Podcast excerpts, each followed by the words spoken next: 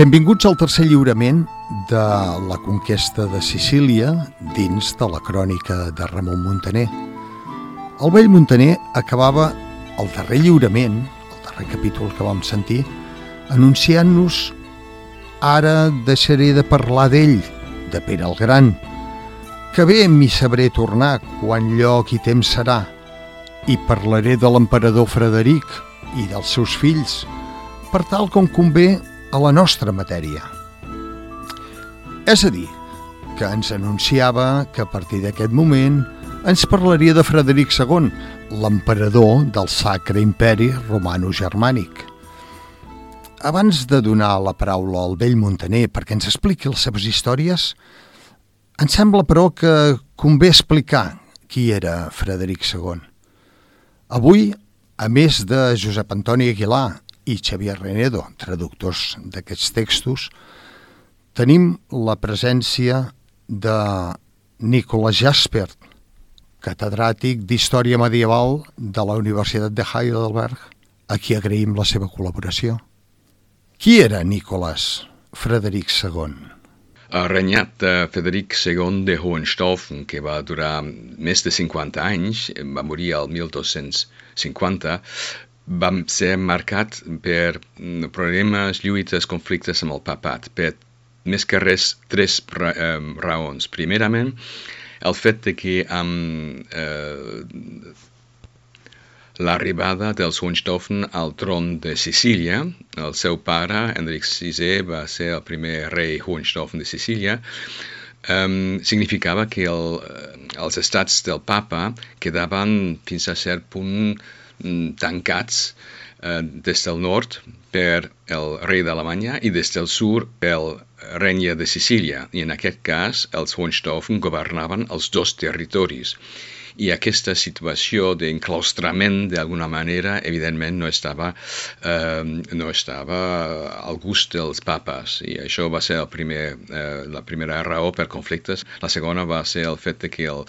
rei va prometre fer una creuada que al final no va eh, realitzar durant molts anys el qual va generar una excomunicació de Frederic segon el 1228 eh, es va solucionar el problema després de, de la croada que efectivament al final va conduir, que, que va fer um, la pau de Sant Germà el 1230 però malgrat això va seguir um, els problemes amb el papat per la tercera raó i la tercera raó és el, la, són les activitats de Frederic II al nord d'Itàlia on el papat també tenia interessos i això va eh, conduir a la eh, excomunicació nova en 1239 per Gregorio IX, una excomunicació que fins i tot va arribar a, a ser una destitució en 1245 en el concili de Lió. És a dir, el papa va destituir, excomunicar i destituir um, Frederic II, que el, quan va morir en 1250 va morir com rei excomunicat. Així és que és un conflicte que va durar uh, moltes dècades i va, va marcar fortament el renyat de, de Frederic de Hohenstaufen. Què ens pots dir, Nicolas, dels descendents de Frederic II?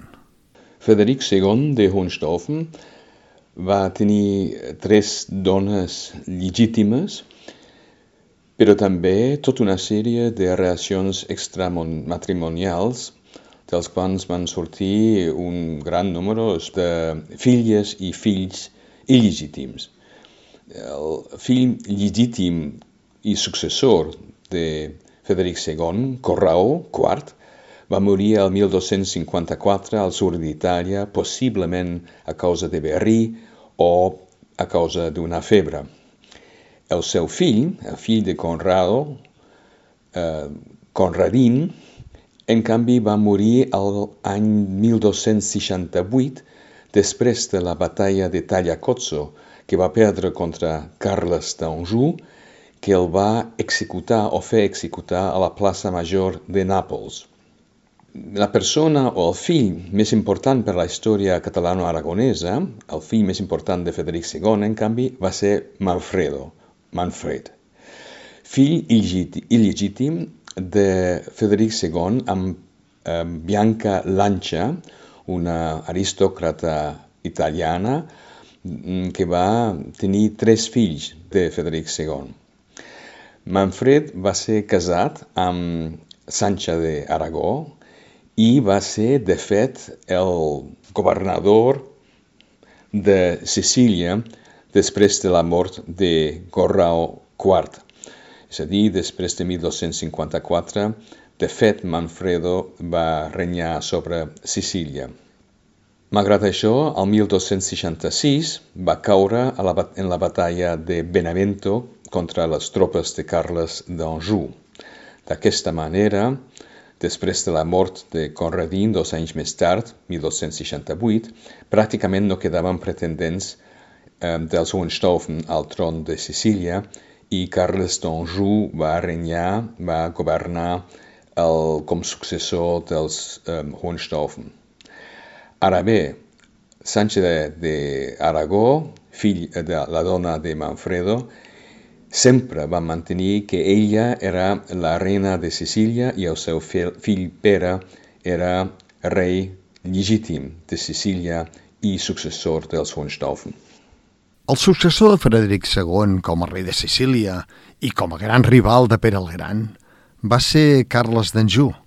Qui era aquest personatge, Josep Antoni? El rei Carles eh, és el gran antagonista dels capítols sobre la conquesta de Sicília. És el, el gran rival de Pere el Gran. Eh, ara bé, tot i tractar-se d'un enemic, eh, Montaner sent un respecte i, i una admiració innegables per la seva persona, perquè ens el presenta com un gat vell, eh, com un veterà de, de moltes batalles, un líder eh, de, amb molts recursos i, i molt astut, de vegades més astut i tot, eh, gràcies a la seva llarga experiència que, que el mateix eh, rei en Pere. Em fa molta gràcia, però, quan Montaner atribueix un pes decisiu en la coronació de Carles d'Anjou a la seva esposa, Beatriu de Provença. Què en pensa, Xavier, d'aquest fet? Aquí hi ha una expressió francesa, i en aquest cas estem amb, amb nobles francesos que em sembla que està fet a mida. Cherchez la femme, eh? és a dir, busqueu la dona. Eh? Eh, Beatriu de Provença era germana de la reina de França. Carles d'Anjou era germà de Lluís IX, Sant Lluís d'Anjou, rei de França i la versió que dona Montaner de tota aquesta història és que Beatriu de Provença estava gelosa de la seva germana, que era reina, veia que el seu cunyat era rei i ella volia ser reina. I aleshores es va dedicar a pressionar el seu marit perquè busqués un regne on fos. Eh? I el seu marit, per fer-la contenta, va acabar acceptant i posant-se gairebé l'ull de l'huracà, acceptant la corona de rei de Sicília. Eh? Cherchez la femme, com diuen els francesos. Deixem, doncs, que sigui el vell Montaner qui ens, ens expliqui aquests fets i seguim escoltant la narració de la crònica.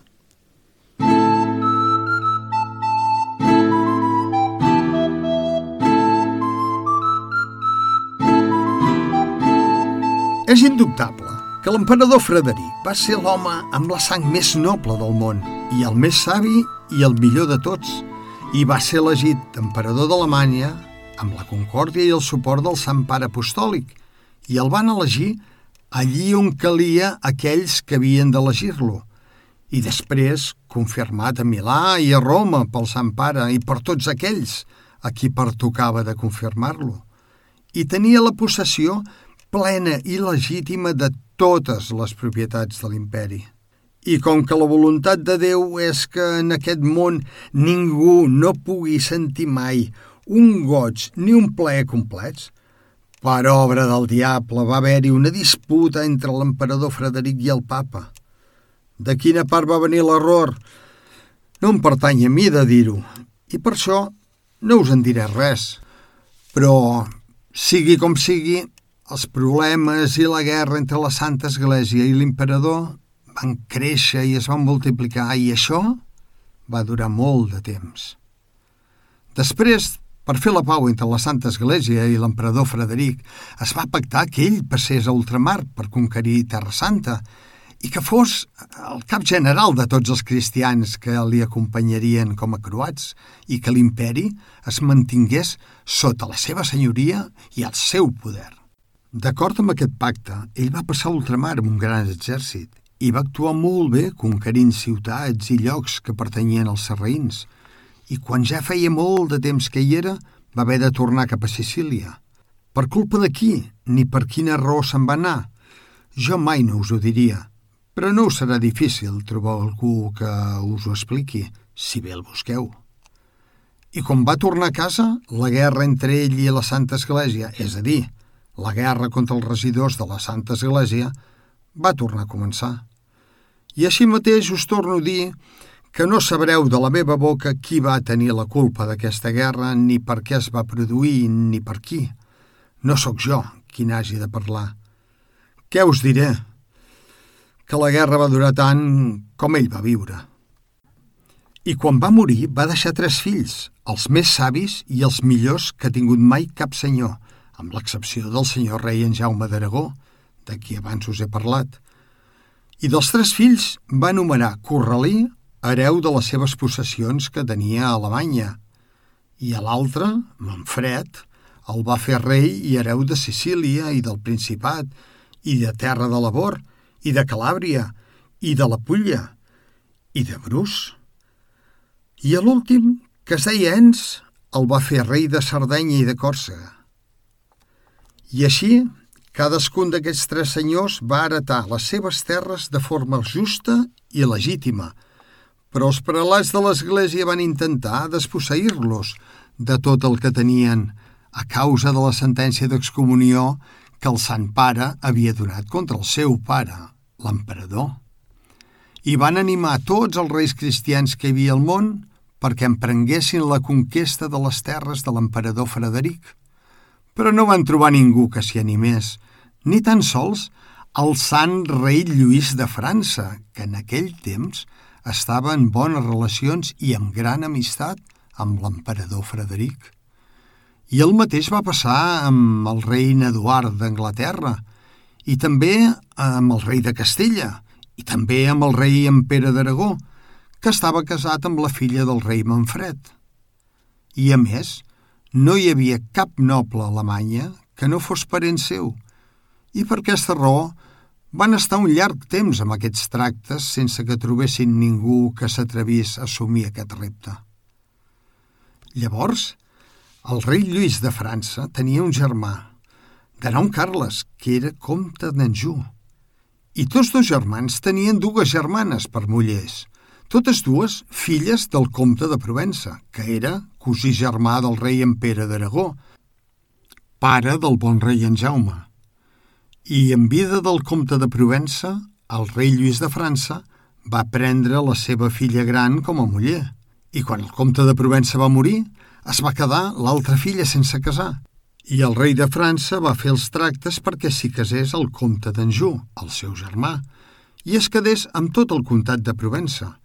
I d'aquesta manera el seu germà va passar a ser comte d'Anjou i també comte de Provença. I un cop fetes les noces, la reina de França va tenir moltes ganes de veure la contessa, la seva germana, i la contessa també tenia moltes ganes de veure la reina. Així que, finalment, la reina va demanar al comte i a la contessa que quan el comte anés a França, al comtat d'Anjou, que li acompanyés la contessa per poder-la veure. I el comte i la contessa hi van estar d'acord.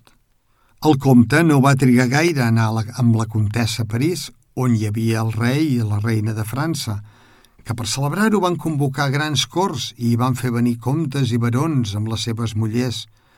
I quan la cort es va omplir de contes i de barons i de comtesses i baronesses, el lloc on s'asseia la reina estava destinat només a ella. I als peus hi havia el seient de la comtessa, la seva germana, i de les altres comtesses – i a la comtessa de Provença li va saber tant de greu que la seva germana, la reina, no la fes asseure més a prop que per poc no va esclatar de dolor. I al cap d'una estona va dir que li feia mal al cor i que se'n volia anar a la posada, de manera que ni la reina ni ningú no la va poder deturar. I quan va arribar a la posada es va tirar sobre el llit, va plorar, va sospirar i va fer gran dol.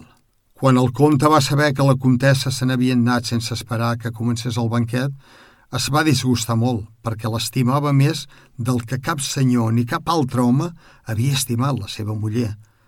Per aquesta raó, va anar-se'n a buscar-la i la va trobar plorant al llit.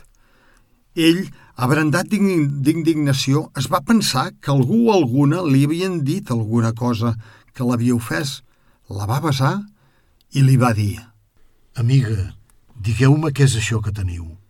I si alguna persona us ha dit res que us desplagui, estigueu segura que de seguida me'n venjaré, sigui qui sigui. I la comtessa, que sabia que ell l'estimava més que ningú més del món, perquè deixés de pensar-hi, li va dir Senyor, ja que m'ho demaneu, us ho hauré de dir, que jo no sabria mantenir-vos res amagat. Quina dama hi ha al món que pugui estar més dolguda que jo, que avui he sofert la major deshonor que cap dama gentil ha sofert mai. Vos sabeu del cert que sou germà, per part de pare i de mare, del rei de França. I així mateix, jo sóc germana, per part de pare i de mare, de la reina. I avui, quan tota la cort era plena de gent, la reina s'ha assegut en el seu seient mentre jo, amb les altres comteses, m'he hagut de seure als seus peus. I això em dol molt i m'ofèn molt, tant que us prego que demà, de seguida, ens en tornem a la nostra terra, que per res del món no vull continuar aquí. Aleshores el comte li va respondre. Ah, comtessa, no us ho agafeu tan malament, que aquest és el costum, que al costat de la reina no s'hi pot asseure ningú que no sigui també reina. De manera que animeu-vos, que jo us juro pels sagraments de la Santa Església i pel bon amor que us tinc, que si jo sóc viu, abans no hagi passat un any, vos portareu una corona sobre la testa i sereu reina i podreu seure al costat de la reina, la vostra germana. I això us ho prometo i per això us beso a la boca. I amb això la comtessa es va sentir confortada, però no pas tant que deixés de sentir-se dolguda fins al fons del seu cor. Per això, en quatre dies, va despatxar tots els seus afers, es va acomiadar del rei i de la reina i se'n va tornar amb el comte a Provença. I el rei i la reina de França els va saber molt de greu veure com se n'anaven tan aviat. Tan bon punt el comte va tornar a ser a Provença amb la comtessa, va fer armar cinc galeres i se'n va anar a Roma a veure el papa. I quan hi va arribar, el papa i els cardenals es van sorprendre molt, perquè no havien sabut res del seu viatge. Malgrat això, el van rebre en grans honors i li van fer grans festes.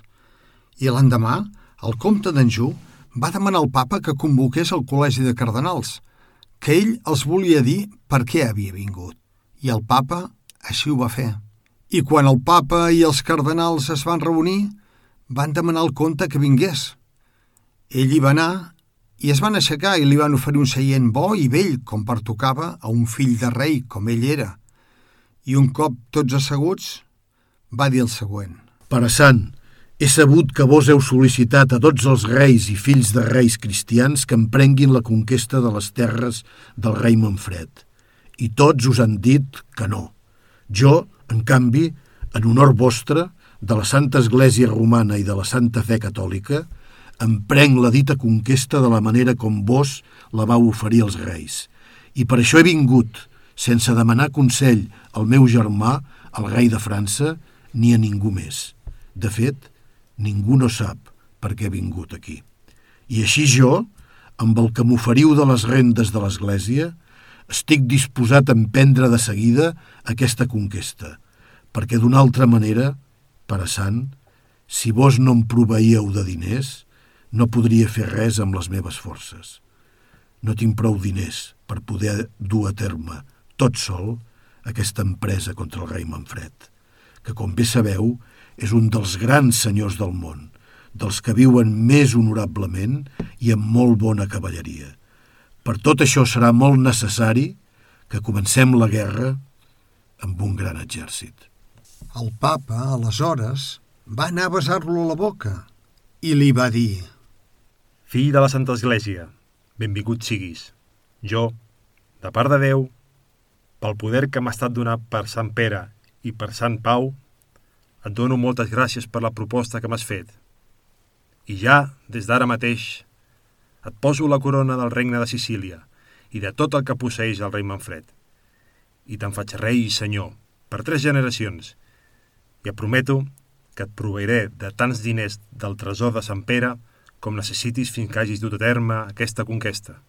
I tot això li va ser concedit aquell dia, que va ser un dia maleït per tots els cristians, que per culpa d'aquesta donació tan desafortunada s'ha perdut tota la terra d'ultramar i tot el regne d'Anatòlia, que els turcs han pres a l'emperador de Constantinople. I hi ha hagut, hi ha, i hi haurà grans mortaldats de cristians. Per tot això es pot dir que aquell va ser un dia de plor i de dolor. I així el comte va sortir del consistori amb la corona a la testa i una altra corona que portava a la mà, que el papa li va donar perquè la posés a la comtessa com fos a Marsella i la coronés reina. I li va enviar un cardenal com a legat apostòlic perquè, de part seva, juntament amb el rei Carles, li posés la corona al cap i la coronés reina de Sicília. I així es va fer. Tot seguit, Carles d'Anjou es va acomiadar del papa i el papa va fer pública aquesta donació i aquesta coronació i va lliurar molts de diners al rei Carles i va ordenar al cardenal que no se'n separés. I el rei Carles se'n va tornar a Marsella, on va trobar la comtessa, que se'n va alegrar molt, sobretot en ser coronada reina. I tot seguit el rei Carles i la reina, la seva muller, se'n van anar a França i van anar a París. I les reines van compartir sempre seient i van estar molt contentes de poder-ho fer. I si elles n'estaven contentes, al rei de França no li va agradar gens allò que el rei Carles havia fet. De fet, li va desagradar tant que si ell ho hagués pogut desfer, ho hauria fet de molt bon grat. Malgrat tot, però, no va deixar d'ajudar el seu germà i li va donar tot els socors i tota l'ajuda que va poder. I així mateix tots els barons de França el van ajudar, qui amb diners, qui amb soldats, de tal manera que es va formar un gran exèrcit per atacar el rei Manfred i per envair la seva terra. I quan el rei Manfred va saber que el rei Carles li queia sobre, com a gran senyor que era, i un dels més valents reis que al món hi havia, va preparar-se amb totes les seves forces i va anar a la frontera del seu regne, on els dos exèrcits es van enfrontar amb gran valor. I segurament el rei Manfred hauria vençut si no hagués passat que el comte de Caserta i el comte de la Serra i d'altres barons del seu exèrcit que havien de formar part de les forces d'atac del rei Manfred el van trair. Van passar el bàndol del rei Carles i van acabar atacant el seu propi senyor, el rei Manfred. Aquesta traïció va desanimar molt els homes del rei. No, però, fins al punt que el rei Manfred perdés l'esma, perquè va atacar valerosament allí on va veure la senyera del rei Carles. I la batalla en el lloc on els dos reis es van trobar va ser molt cruel i violenta i va durar del matí fins al vespre. I Nostre Senyor va voler que el rei Manfred hi morís. I quan es va fer de nit i la seva gent no trobava lloc el rei Manfred, es van sentir derrotats i cadascú va fugir al seu país. I d'aquesta manera, el rei Carles va guanyar el regne. D'això no en vull parlar més ni dir com ni en quina manera es va fer, que no toca ni pertany a la matèria de què jo vull parlar. Per tant, només us dic que després d'aquesta batalla ell va ser senyor de Sicília i de totes les altres terres del rei Manfred. I això va passar l'any 1266, a 27 de febrer.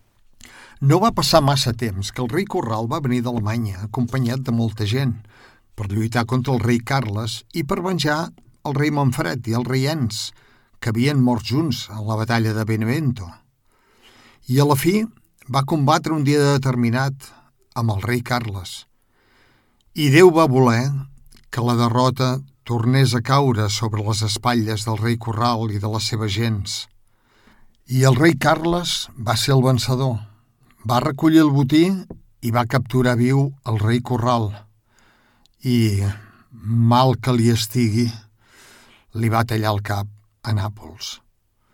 Tots els prínceps i tota la gent del món van criticar molt aquest fet, però així va ser.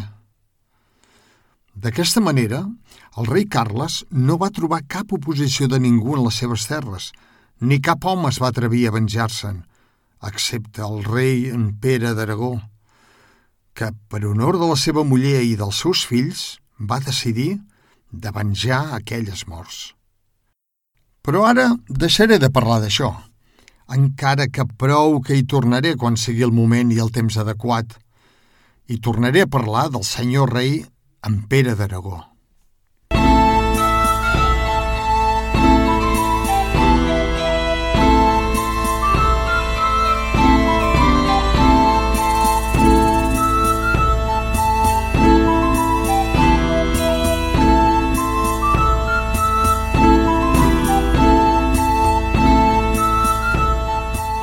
La gravació que acabeu d'escoltar s'ha enregistrat al Laboratori de Fonètica de la Facultat de Lletres i a l'Estudi de Ràdio de la Facultat de Turisme de la Universitat de Girona.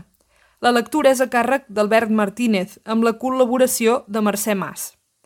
David Fernández s'ha encarregat de la taula de so i Glòria Ribugent del muntatge. La traducció del text al català modern és de Xavier Renedo i Josep Antoni Aguilar. La gravació ha comptat amb el finançament de la Institució de les Lletres Catalanes, la Diputació de Girona i el Grup de Recerca de Literatura Medieval de la Universitat de Girona.